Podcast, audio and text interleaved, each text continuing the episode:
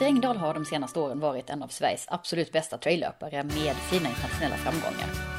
Podden har träffat Petter och eh, pratat om att eh, bli en bättre längdåkare genom löpningen och eh, om att hantera motgångar som idrottare. Hoppas att ni får en trevlig lyssning. Trailrunning-podden sitter i en riktig idyll här i Tronsjö utanför Torsång, söder om Borlänge.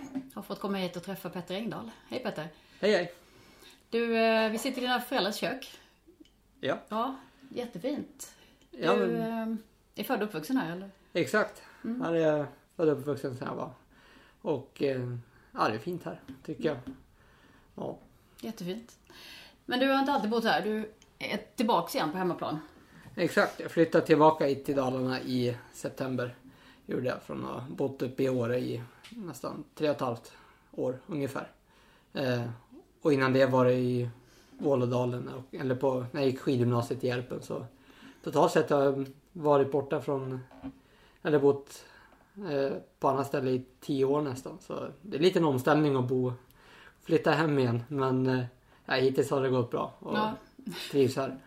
Det funkar och ja, som sagt med föräldrar och allting flytta hem men det är lite speciellt. Ja exakt. Det blir, det blir nog bara en kort eh, vistelse här innan jag drar vidare. Och ska förmodligen börja plugga i Trondheim. Och eh, till nästa höst och sen under vintern då blir det mycket tävlingar runt om i Sverige och Europa och, och sen börjar trailsäsongen och då är man, då är man knappt hemma. Mm. Jag satt och räknade på eh, eh, i somras att jag hade varit i eh, år i totalt fyra veckor mellan mars och september. Så jag kände liksom att eh, eh, ja, det var lite lite egentligen. Så då, då tänkte jag, ja men då kan jag vara här under, eh, här hemma hos mamma och pappa under vintern. Och, eh, så, ja men det är bra. Mm. Ger det en extra trygghet att vara hemma hemma? Ja, det kan man säga. Mm. Även om jag saknar fjällen just nu. Ja. Det är lite, eh, lite tråkigt att snurra på lugnet eh, i två och en halv timme på en två kilometers spår mm. just nu. Men det fungerar och jag får gjort bra träning där ändå. Så ja, men det funkar. Ja, hur ser det ut? Du är ju längdskidåkare och traillöpare. Mm. Vad, eh, har det alltid varit så? Eh, inte alltid. Jag har hållit på med väldigt många idrotter liksom, i mitt liv. Ungdom, under min ungdom så var det allt från innebandy till idrott, orientering. Eh, och, eh, men det var alltid skidor som eh, jag ville satsa på och ville bli så bra som möjligt på. Mm. Så det är därför jag började skidgymnasiet och eh, efter det så ville jag satsa fullt ut och, på, på det. Eh, men sen har traillöpningen och eh, det liksom tagit en större och större del i mitt liv liksom. Och eh, ju mer jag började springa desto bättre blev jag också på att åka skidor. Och, eh, för, och framförallt tyckte jag att det var fantastiskt kul att springa på fjället och eh, allting runt trailtävlingar och eh, eh, det kände att bara gav mig mer energi och ville eh, utvecklas i det också på något vis. Mm. Och samtidigt ju mer jag sprang så mer utvecklades jag också på skidor. Så det har blivit som en win-win egentligen. Varför tror du att, eh, att det var så? Att löpningen gjorde dig till bättre skidåkare också? Eh, jag vet egentligen inte men mycket handlar ju om att bygga en bra... I längdskidåkning handlar det mycket om att bygga en bra motor. Mm. Bra syreupptag, bra uthållighet. Och det, så det blev, har ju blivit min styrka i längdskidor. Jag är inte längre... Som junior var jag sprinter. Liksom från att ha gått från... Jag sprang eh, friidrott. Eh, 8 och 1500 meter när jag var ungdom. Mm. Så var jag naturligt väldigt bra på sprint på längdskidor. Men sen... Eh, om jag säger gått över till lite mer längre distanser. Liksom. Och eh, traillöpningen har väl gett mig den uthålligheten som krävs för bland annat 3 och 5 mil och sådär. Mm. Liksom. Och sen, eh, ja uppförsbackar är väl kanske det som är min största styrka både på löpning och skidor och på skidor kanske det märks extra tydligt i vissa mm. tävlingar och så.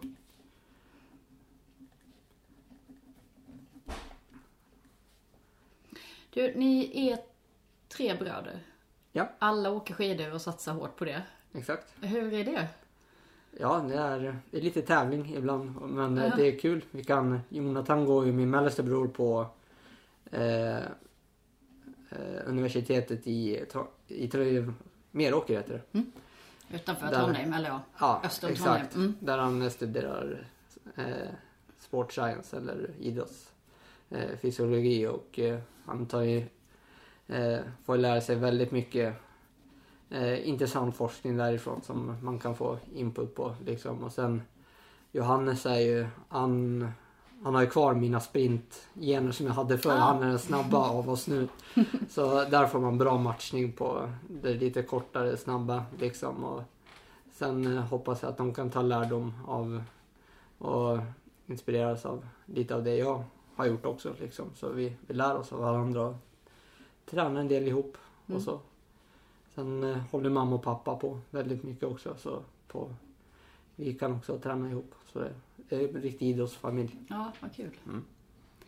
Längdskidor är ju mycket material också. Det, det här med att valla och, och grejer. Gör du det själv eller får du hjälp? Till eh, träning och så så vallar jag skidorna själv. Mm. Det är inte min favoritgren direkt liksom. Jag vill ju helst eh, eh, ha, ha ett par skins och åka på, på träning men eh, jag ser också att eh, det är ju ja, vanlig valla jag ska ha på tävling så då tränar jag med det. Mm. Eh, men eh, ja, materialet är självklart viktigt i sport som längdskidor. Det är det. Mm. Eh, men eh, jag försöker mitt största fokus är ju på att träningen och att jag ska bli så duktig som möjligt och sen vill jag ha så konkurrenskraftigt material som möjligt. Mm. Och det, det får jag väldigt oftast, Mm. tycker jag. Men eh, och på tävling och så, så är det klubb. Då Ja. det Falun-Borlänge som vallar skidorna. Just det. Mm. Det här med traillöpningen då. Hur, eh, när kom det in i bilden? Eh, jag gjorde min första eh, trailtävling i Bydalen 20...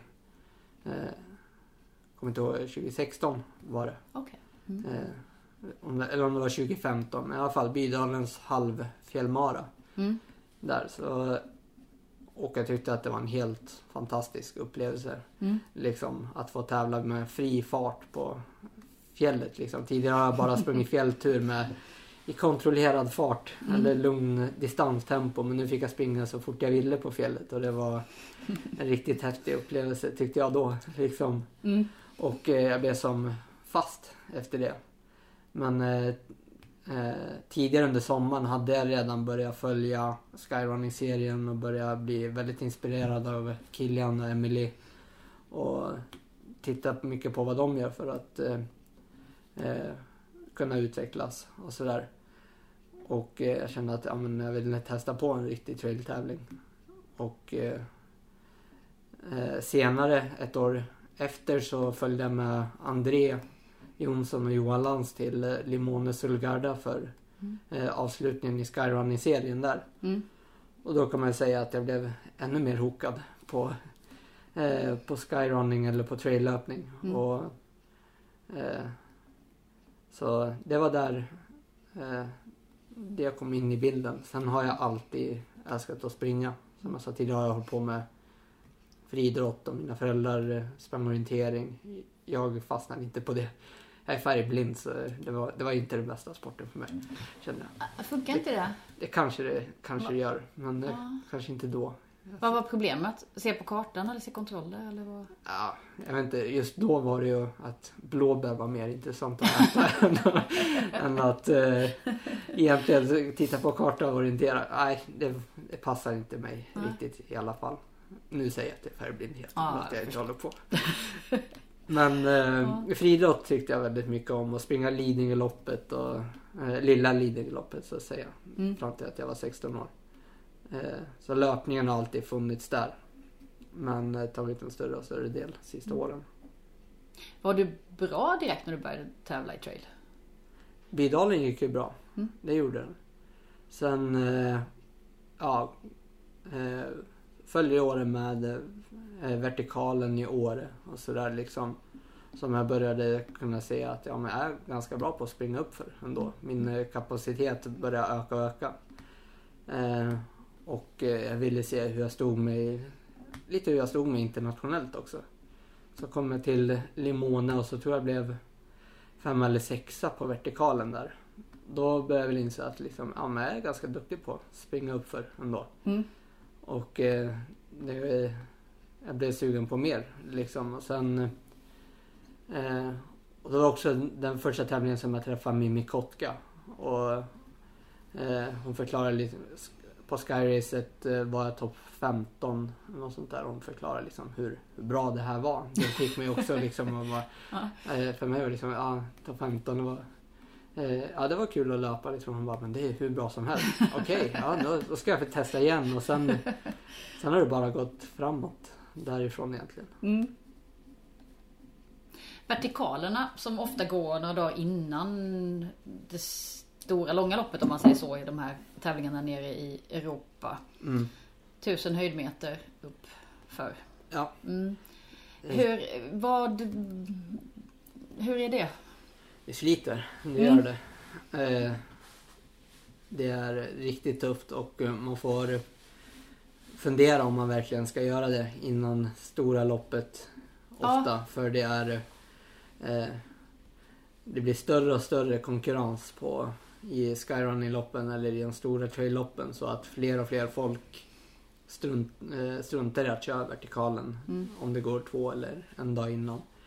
För man vill vara så pigg som möjligt till, eh, till stora loppet. Mm. Och, eh, och ska jag säga att det inte bara och bara om vi säger att tävlingen, vertikalen mellan 30, 30 till 40 minuter. Eh, det är väldigt mycket runt omkring de här också. Du måste ofta springa ner den här jäkla backen också. Och eh, då blir det ofta ett, då kan det bli ett pass på två och en halv timme liksom ja. och det sliter hårt så. Eh, jag har gjort det några gånger och man, eh, man känner sen på skyracet att ja, man är lite sliten mm. under det från vertikalen. Limona är ju extremt för då går vertikalen på kvällen. Eh, och sen är skyracet på morgonen dagen oj, efter. Oj, ja det är ju tufft. Och så är det prisutdelning och det är eh, allt sånt där på kvällen som man mm. eh, om man har adrenalin från tävlingen kvar så kan man sova några timmar där så, så kan man, får man se det som en vinst liksom. Ja. Men eh, det har ändå gått bra på det viset när jag har kört vertikalen ändå. Man Mm. kan känna i benen. Absolut. Mm. Så, eh, men det är lite tjusningen också. Det ska vara lite hårt. Hur mycket går man och hur mycket man springer man i en vertikal? Det ser väldigt mycket, det beror väldigt mycket på hur underlaget är. Är det liksom stora trapp, är det trappsteg eller Ja. är det eh, så, så eller har man stavar på vissa vertikaler får man ha stavar på vissa är det, eh, är det bättre att stavar. Så det är lite olika hur man gör men eh, jag är ändå så här, försöker, jag springer det mesta av Mm. en vertikal. Eh, om vi tar vertikalen i Åre till exempel så är det bara hummelbranten, alltså där repen är i eh, strax innan halvvägs som går. Annars är det bara att springa Mm. egentligen. Och, men där är alla olika. Vissa är jätteduktiga på att gå. Man har lite olika hur man arbetar mest ekonomiskt. Liksom. Ja. Mm. Ja, Du nämnde det här med lite så här runt omkring. Hur är det om du jämför traillöpningen och längdskidåkningen? Det här, ja, själva hela tävlingssituationen. Från eh, liksom vakna på hotellet, eh, värma upp och ja. Jag har inte jag kört eh, jättemånga världscuper i längdskidåkning så man har fått en liten inblick om hur det är liksom Mm. i den cirkusen och eh, eh, det är väldigt olika om man säger så. Det är ju mycket eh, jag tror det är en del av det här med att testa skidor och valla gör ju att det är lite två olika grejer. Mm. Eh, men sen är det ju också att i ett skyrunning-lopp så står ju eh, som i Limone, då stod jag på samma startlinje som min pappa och då som någon som är ute i sex timmar och är liten och det gör man inte riktigt på ett världscupslopp utan då är det bara eh, då skulle du kunna eh, då är det bara att starta och köra liksom och så Mm. är det bara elit som kör.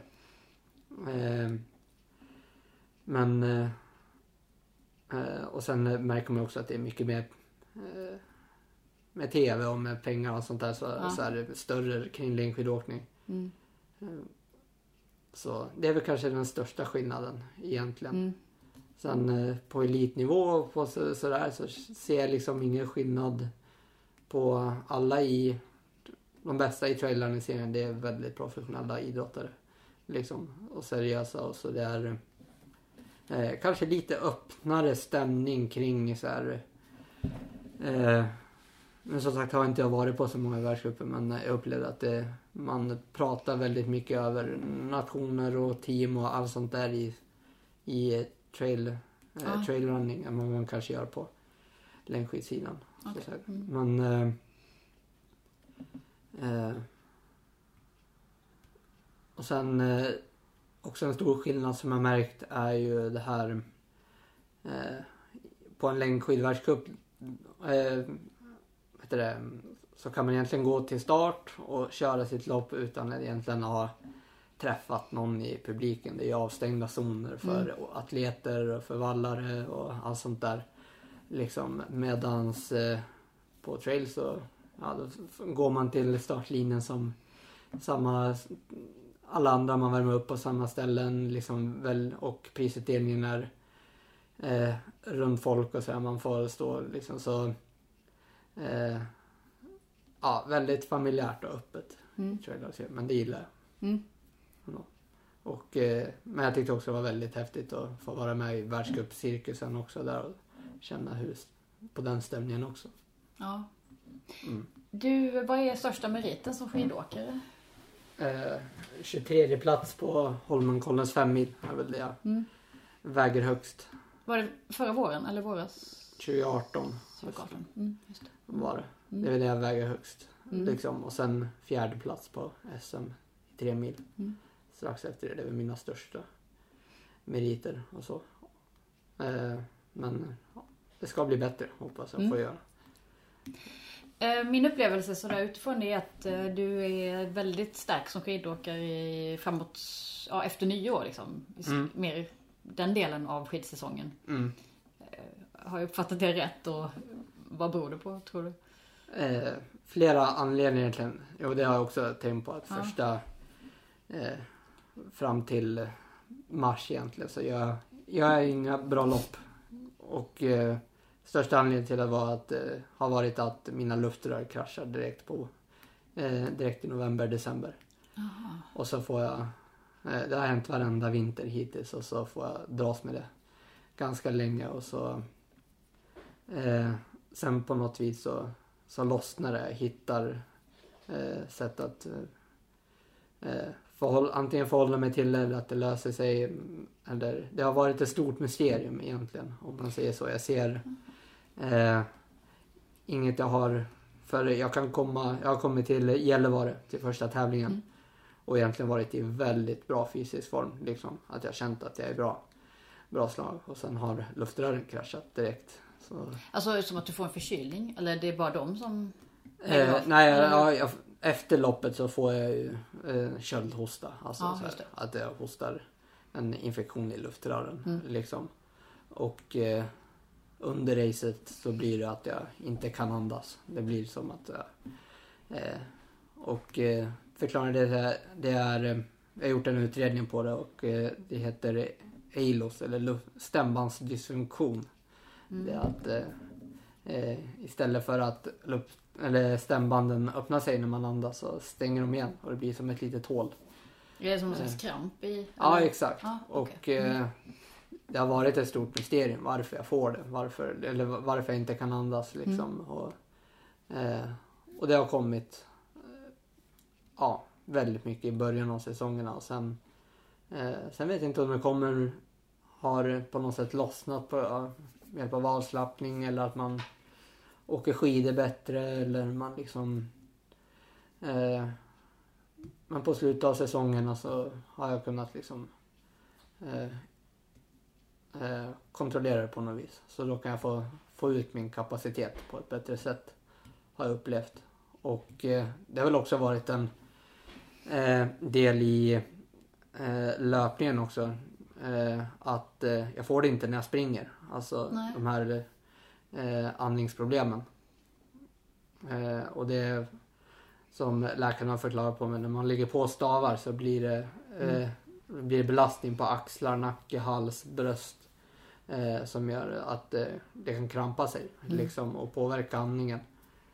Eh, men eh, ja, när jag springer så känner jag inte av det och då känner jag att jag kan få ut min kapacitet mycket bättre. Mm. Så det har också bidragit till att ja, men när jag kommer och springer då eh, kan jag äntligen prestera så som jag vill. Ja. Så det har ju varit en stor glädje. eh, Liksom det.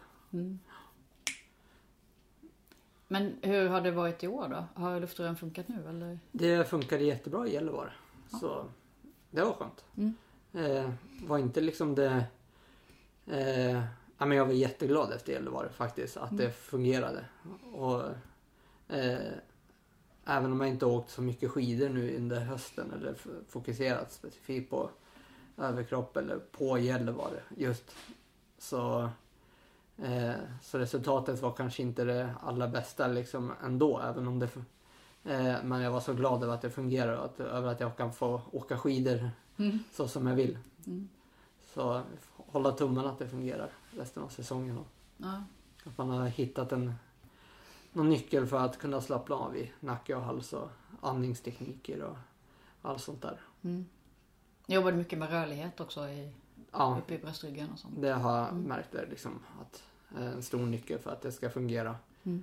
Eh, uppvärmning, eh, kontrollerad andning och eh, men sen har det ju väldigt mycket med eh, stress och belastning och eh, sånt där att göra också som gör att det också blir en svår eh, komponent i det hela. Mm. eh, även om man kan uppleva att ja, nu är jag väldigt rörd i bröstryggen så kan det vara något annat som triggar. Mm. Så, men det är bara att jobba på. När det lossnar så, så vet man att det går fort. Och det är alltid det man har i bakhuvudet. Mm. Liksom. Och så jobbar jag med att mentalt kunna eh, eh, när, när det här händer då, liksom, att kunna jobba med det mentalt har varit väldigt svårt. Liksom, för det har hänt så många gånger. Liksom, att kunna ladda om efter varje har varit en stor utmaning. Liksom, och det har tagit mycket på mig. Eh, så det är något jag jobbar med. Mm. Nej men jag förstår det. Mycket Mm. förväntningar som man bygger upp och så kraschar det lite och så måste man våga tro igen. Ja, exakt. Mm. Det är, eh, som tur var man har haft de här eh, liksom framgångarna på vägen där det har fungerat och man har fått ett kvitto på att ja, men jag är ändå, eh, är ändå stark liksom och det är det här jag brinner för. Och, eh, och sen, eh, det behöver inte vara på tävling utan det kan vara på träning också. Alltså, jag kommer ihåg eh, många träningspass jag har gjort står ut minst lika mycket som tävlingar liksom, där det har fungerat och det får mig att eh, driva vidare. Ah, men, ja, det, här, det här är ju bra liksom. Mm. Så annars, eh, annars hade det varit svårt liksom. Men eh, jag tror att vara eh, nyfiken på att testa grejer och aldrig ge upp liksom är, är viktigt. Och eh, våga liksom när motgångar kommer att eh, bara jobba vidare och Mm. försöka hitta vägar att komma runt det. Mm. Det låter som att du har inga problem med motivationen. Nej, inte...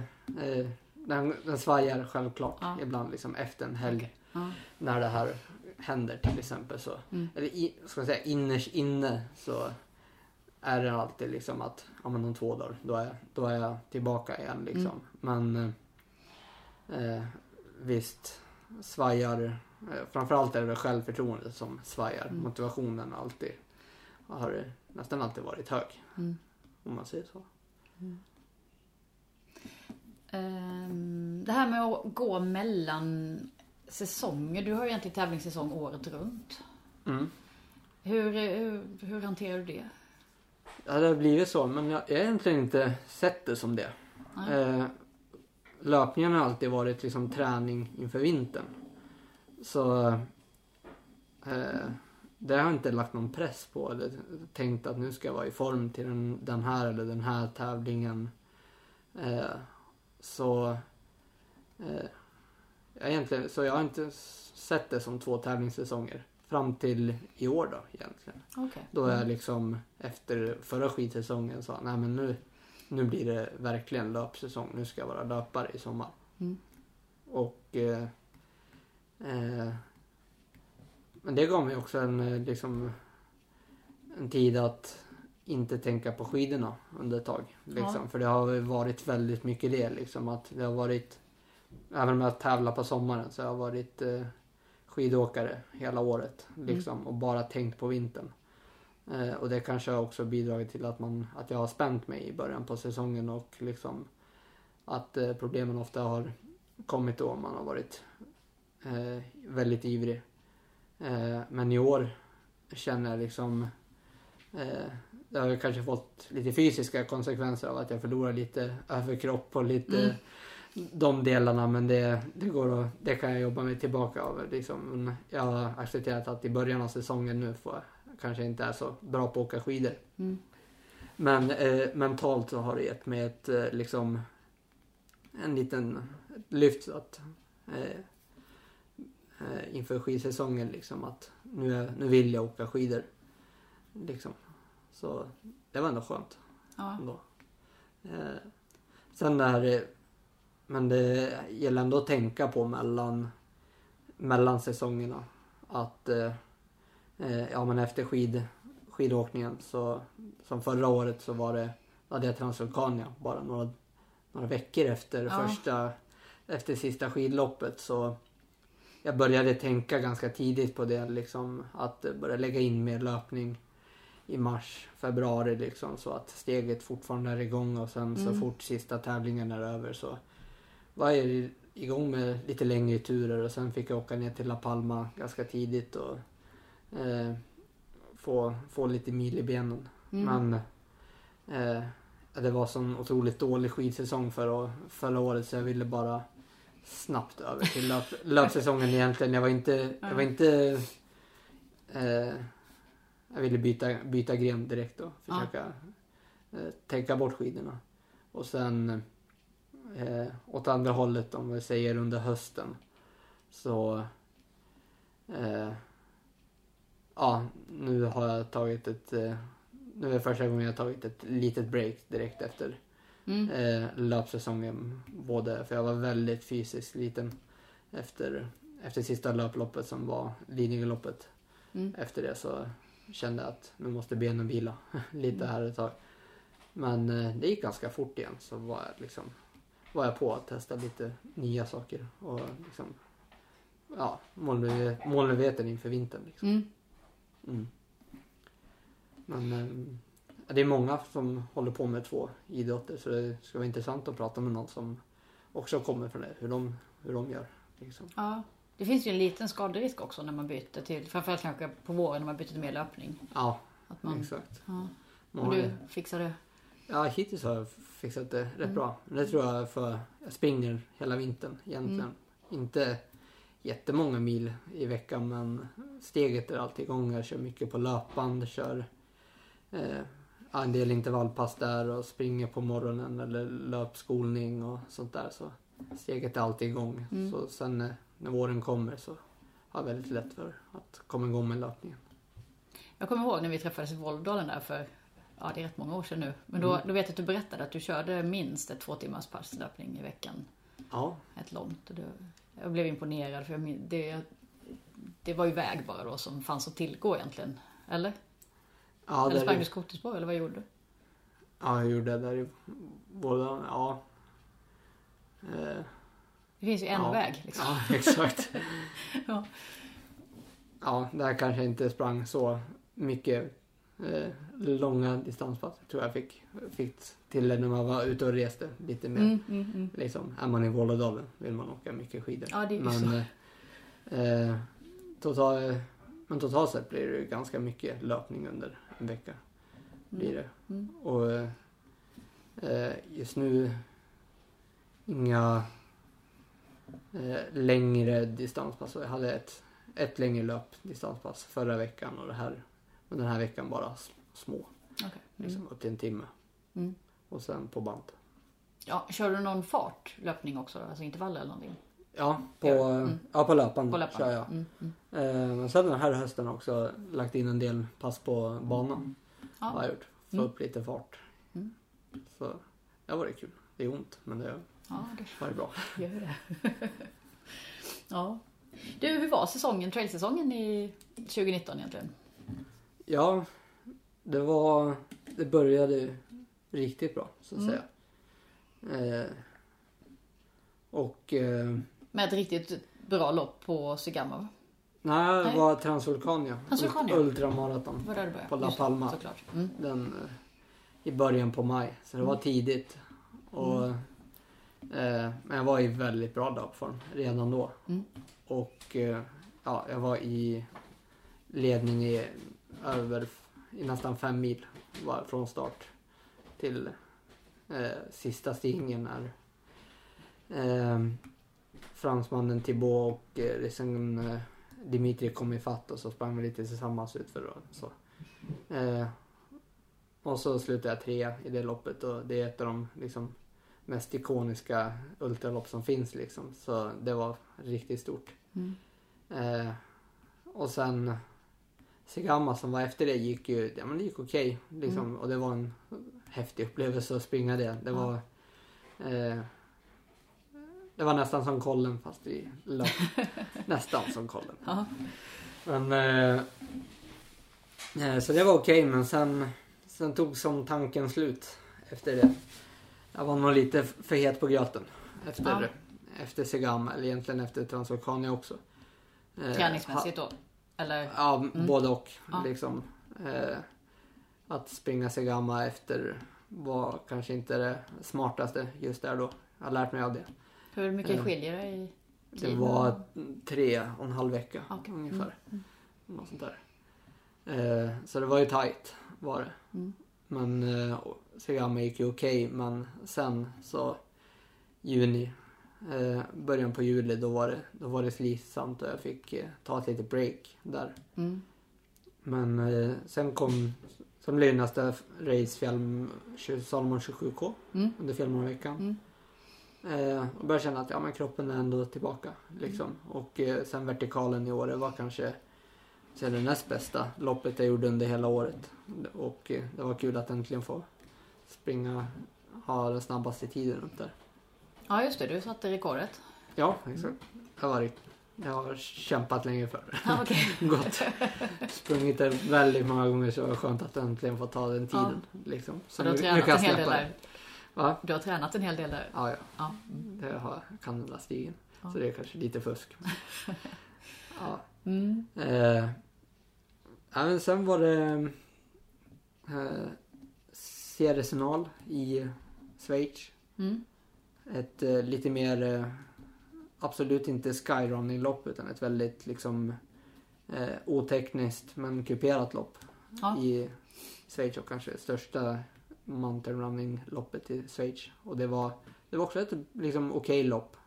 Eh, men eh, jag kände där att jag har mycket att, eh, mycket att träna på när det kommer till eh, oteknisk löpning och fart. Och Okej. Mm. Liksom, det finns väldigt många snabba där ute. Liksom.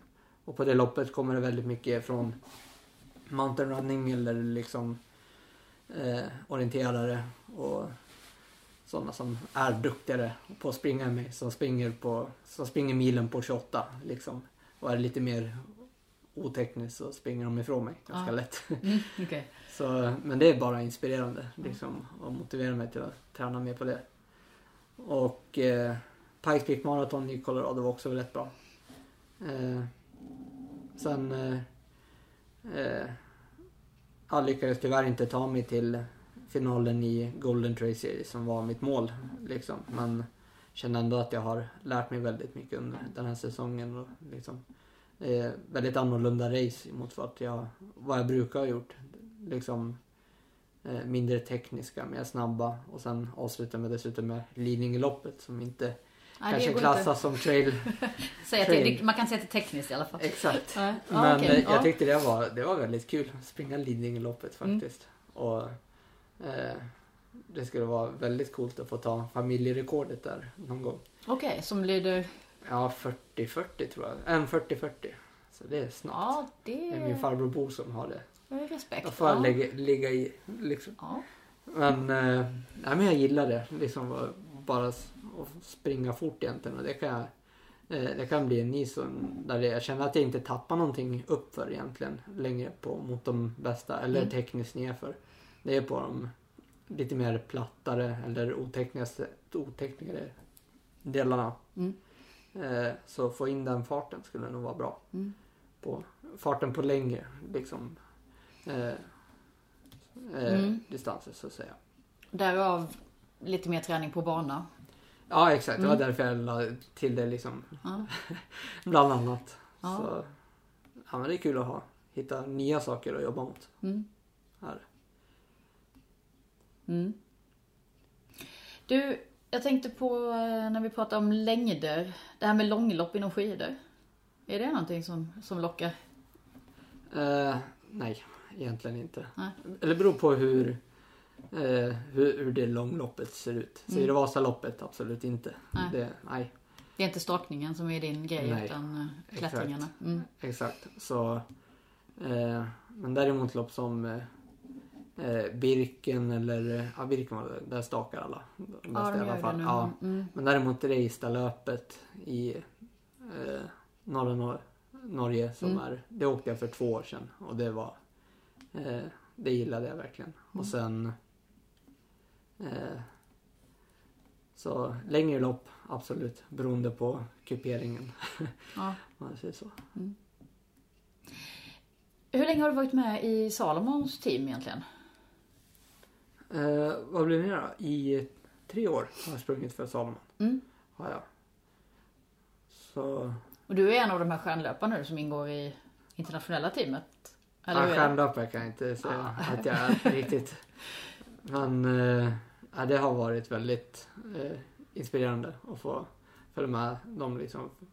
Det var ju de man började följa på Instagram och eh, i sociala medier. Liksom. Mm. Eh, och första gången man fick träffa Kilian och Emily och Remi och eh, så var man ju riktigt starstruck. Om jag säga. Det var, ja, det var betydligt större att eh, träffa Kilian första gången än att eh, träffa Petter Northug till exempel. Ja. Nästan. Ja, det var, Mm. det var coolt.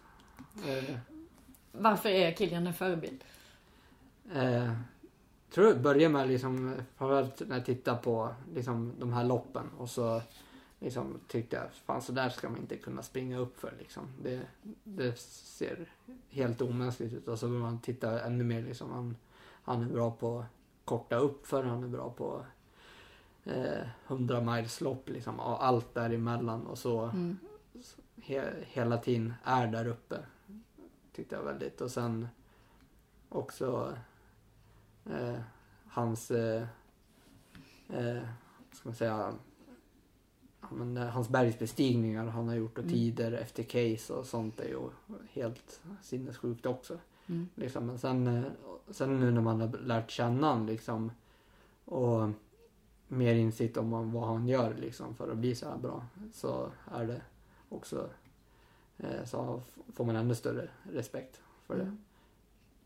Men eh, ja, det är ett trevligt gäng hela Salomon och det är många som är duktiga på eh, inte bara killen liksom men det finns flera som är duktiga på andra grejer som eh, skulle vara riktigt coolt att kunna springa, kunna springa upp för som till exempel eh, Davide Di Magini från Italien som är väl sommarens stora genombrott så att Mm. säga.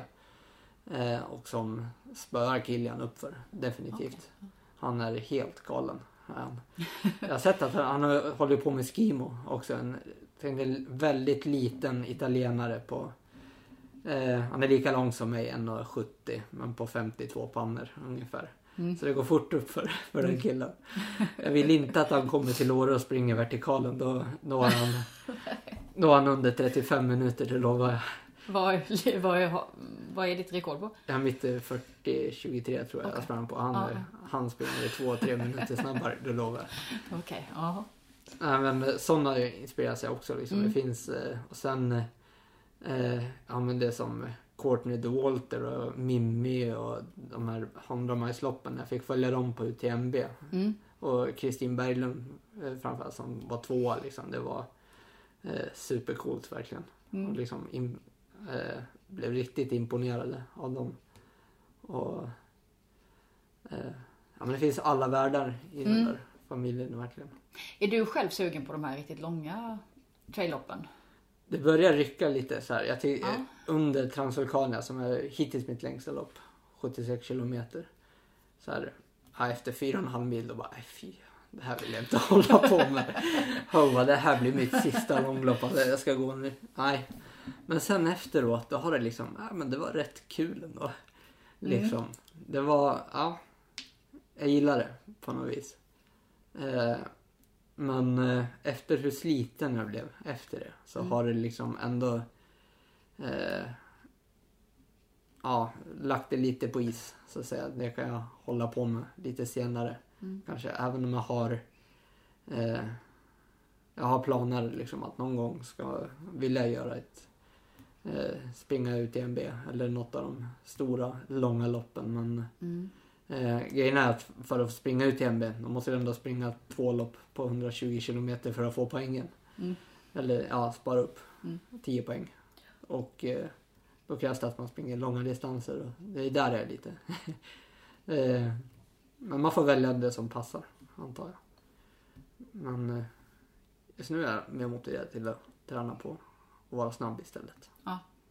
Och det är ju förståeligt också på eh, genom mig till längdskidor också. Ja. Liksom, Tänka på den delen också. Jag tror eh, jag vill inte riktigt bli den här eh, eh, springer man bara ultra på sommaren och bara sådana långa distanser liksom så är jag rätt säker på att det skulle påverka skidåkningen. Det finns eh, det är om det inte blir en Red Bull Nordenskiöldsloppet Tour Ja. då. om man bara kanske. skulle åka sånt Mm. då, då skulle det kanske vara en bra grej. Ja. Men nu vill jag inte riktigt göra det utan nu vill jag kunna åka fort på 15 skate som bara är 40 minuter. Och Ja. då, eh, Ja, för som skidåkare inom den mer traditionella delen så tävlar du på fem mil som längst och tävlingstid på strax över två timmar eller Ja, brukar ligga? exakt. Och eh, det är ju mm, i trailrunning-sammanhang så ses det som en sprint. Ja, nästan. precis. Det är, ja, Salomon 27K tar strax över två timmar. Mm. För att se liksom. Eh, och eh, kommer man då till ett lopp i, nere i Alperna som är betydligt mer kuperat så är de eh, så är det 25, 25 kilometer kanske tar tre och en halv timme. Så Mm. det är ju långa distanser. Mm. Det är det. Mm. Men eh, ja. Men hur är det att resa runt med det här Salomon-gänget då? Vad, Ja. vad har ni för typ av eh, backup och sådär? Har ni ledare med er eller? Ja, vi har en del ledare, Mm. fysios eh, och eh, fotografer såklart. Martina och eh, Filip och alla de här som man kan följa som är fantastiskt duktiga på att ta bilder och filmer. Mm. Ehm, och de är väl lite också, så att säga, support under racen. De kan Mm. ta ett kort och så ge en softflask och lite sånt där. Och sen, eh, ja vi reser väldigt ofta tillsammans liksom. Man försöker anordna resor som man kan ta sig till tävlingsplatsen och sen eh, Ni bor Bo- ihop också? ja. Ja. Mm. bor tillsammans. Mm. Och, så det är ett litet landslag liksom, kan jag Mm. nästan säga. Som ett, Ett internationellt eh, ja, landslag. exakt. Och det är riktigt coolt att kunna sitta runt ett matbord där det kastas olika språk från höger vänster liksom. När vi var i eh, USA på Pikes Peak Marathon då tror jag vi var 26 aktiva och eh, var det 16 ledare, fysios och sånt där och det var eh, 12 olika nationer, nästan alla världsdelar. Och, eh, så det är inte många ställen man kan få det på och det är riktigt häftigt egentligen. Att man kan Mm. få. Ja. Så, Har du någon favoritplats att springa på? oh. Eh.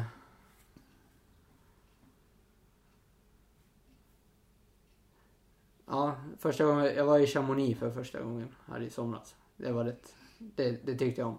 Det är mycket folk här och det är väldigt förorenad luft och lite så här. Det är inte bara, eh, inte bara fint liksom. Några sådana här grejer så. Eh, jag trivs väldigt mycket i Livigno bland annat liksom. För där kan jag få både rullskidåkningen och löpningen och eh, höjden och allt sånt där liksom så. Eh, det finns väldigt många fina ställen att springa Mm. på. Det gör det ja, definitivt. Mm.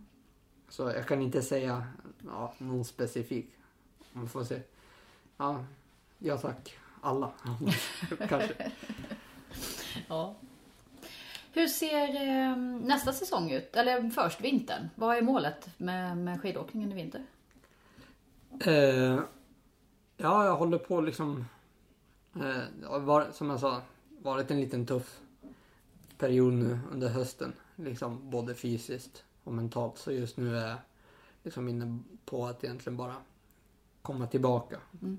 Känna, få känna mig stark, få känna eh, harmoni och hitta glädjen i sporten. Liksom, eller idrott, idrottandet.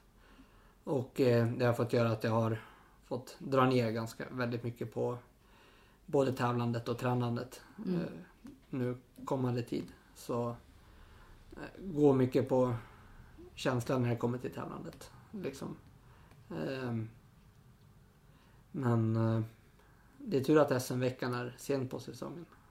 Så det är väl ett litet, litet mål så här, liksom. om, om några månader då, då vill jag kunna vara i, liksom tillbaka i eh, eh, god slag liksom. Eh, allting däremellan är bara en bonus. Mm. Så nu är det bara liksom fokus på att eh, eh, ja, komma tillbaka och hitta harmoni liksom. Va, vad ger dig lust till träning och tävling? Eh, oj. Djup fråga. Ja, Men, det eh, är det, är, det är något sånt där som säkert alla idrottare ställer sig. Mm. Liksom. Varför gör jag det här? Mm. Varför brinner man för det här? Men eh, eh, ja, för mig är det någonstans liksom att älska se eh, liksom processen i det hela. Liksom, och kunna jobba mot motgångar och liksom kunna förbi, bevisa för sig själv att man kan och allt det där. Mm. Eh, liksom och någonstans inåt vägrar ge upp. För varken längdskidor eller traillöpningen ger en stor eh, inte, inte fotbollsspelare eller golf liksom. Inga stora pengar men det är liksom det är något annat som driver en. Mm. Liksom, vad det är. Det är svårt att, svårt att säga. Mm. Liksom. Men eh, jag tycker det är förbaskat kul. Så det är det viktiga. Ja. Mm. Både träningen och tävlingen. Allting det. Och när du tappar lusten, är det helt enkelt för att det blir för mycket?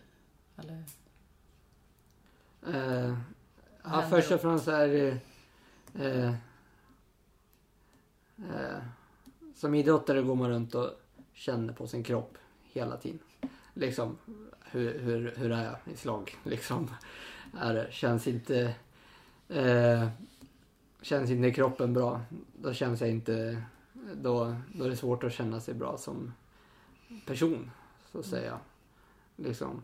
Och det har eh, och sista året som absolut inte har varit sådär jättebra egentligen. Liksom, speciellt förra vintern. Liksom, men perioder under sommaren och sådär också. Och eh, man inte riktigt har någon, man är professionell idrottare. Svårt att liksom eh, eh, se något annat i. Eh, så de veckorna då det har varit tungt eller som för mig liksom när luftrören har kraschat några gånger liksom så har det varit eh, absolut varit eh, tungt eh, då liksom. Mm. Men, eh, någonstans eh, jag la bort vad frågan var. Nej, det var väl egentligen liksom vad, Ja, ja, vad det är som ställer till det när, det, när du tappar glädjen i, i, eh, i idrotten. ja, Mm. det är just sådana grejer. Det är ofta inte eh, ett resultat egentligen liksom, för mig som liksom gör det. Det är när jag inte får eh, bevisa framförallt för mig själv att jag kan liksom att när man, eh, man frågasätter vad man håller på med och inget. Och, Mm. eh, så Men det är inte det. Ja. Ja, det är ju en ganska aktuell fråga för många idrottare nu senast med skidlandslaget. Just det här med, med hälsa och balans och Ja. Det, det är något som många idrottare då liksom på ett eller annat sätt eh, får eh, hantera. ja, exakt. Och eh, eh, kanske inte vågar eh, prata om så mycket. Liksom, eller, men säkert eh, många som upplever det här. Liksom, det är jag riktigt säker på. Liksom. Men ja. Hur eh, tänker du med traillöpningen nu då, 2020? Ja, det beror... Eh, har lite en så här, lärt mig väldigt, som jag har sagt, av eh, den här säsongen. Att eh, dra inte igång med en ultra.